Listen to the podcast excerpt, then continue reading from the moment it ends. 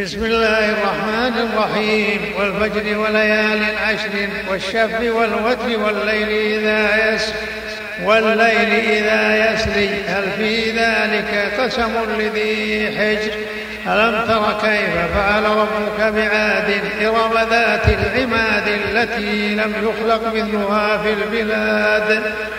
وثمود الذين جابوا الصخر بالواد وفرعون ذي الأوتاد الذين طغوا في البلاد فأكثروا فيها الفساد فصب عليهم ربك سوط عذاب إن ربك لبالمرصاد فأما الإنسان إذا ما ابتلاه ربه فأكرمه ونعمه فيقول ربي أكرمن وأما إذا ما ابتلاه فقدر عليه رزقه فيقول ربي أهانني كلا.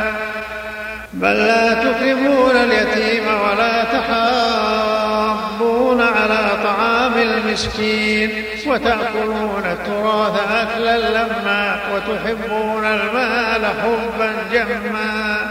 كلا إذا دكت الأرض دكا دكا وجاء ربك والملك صفا صفا.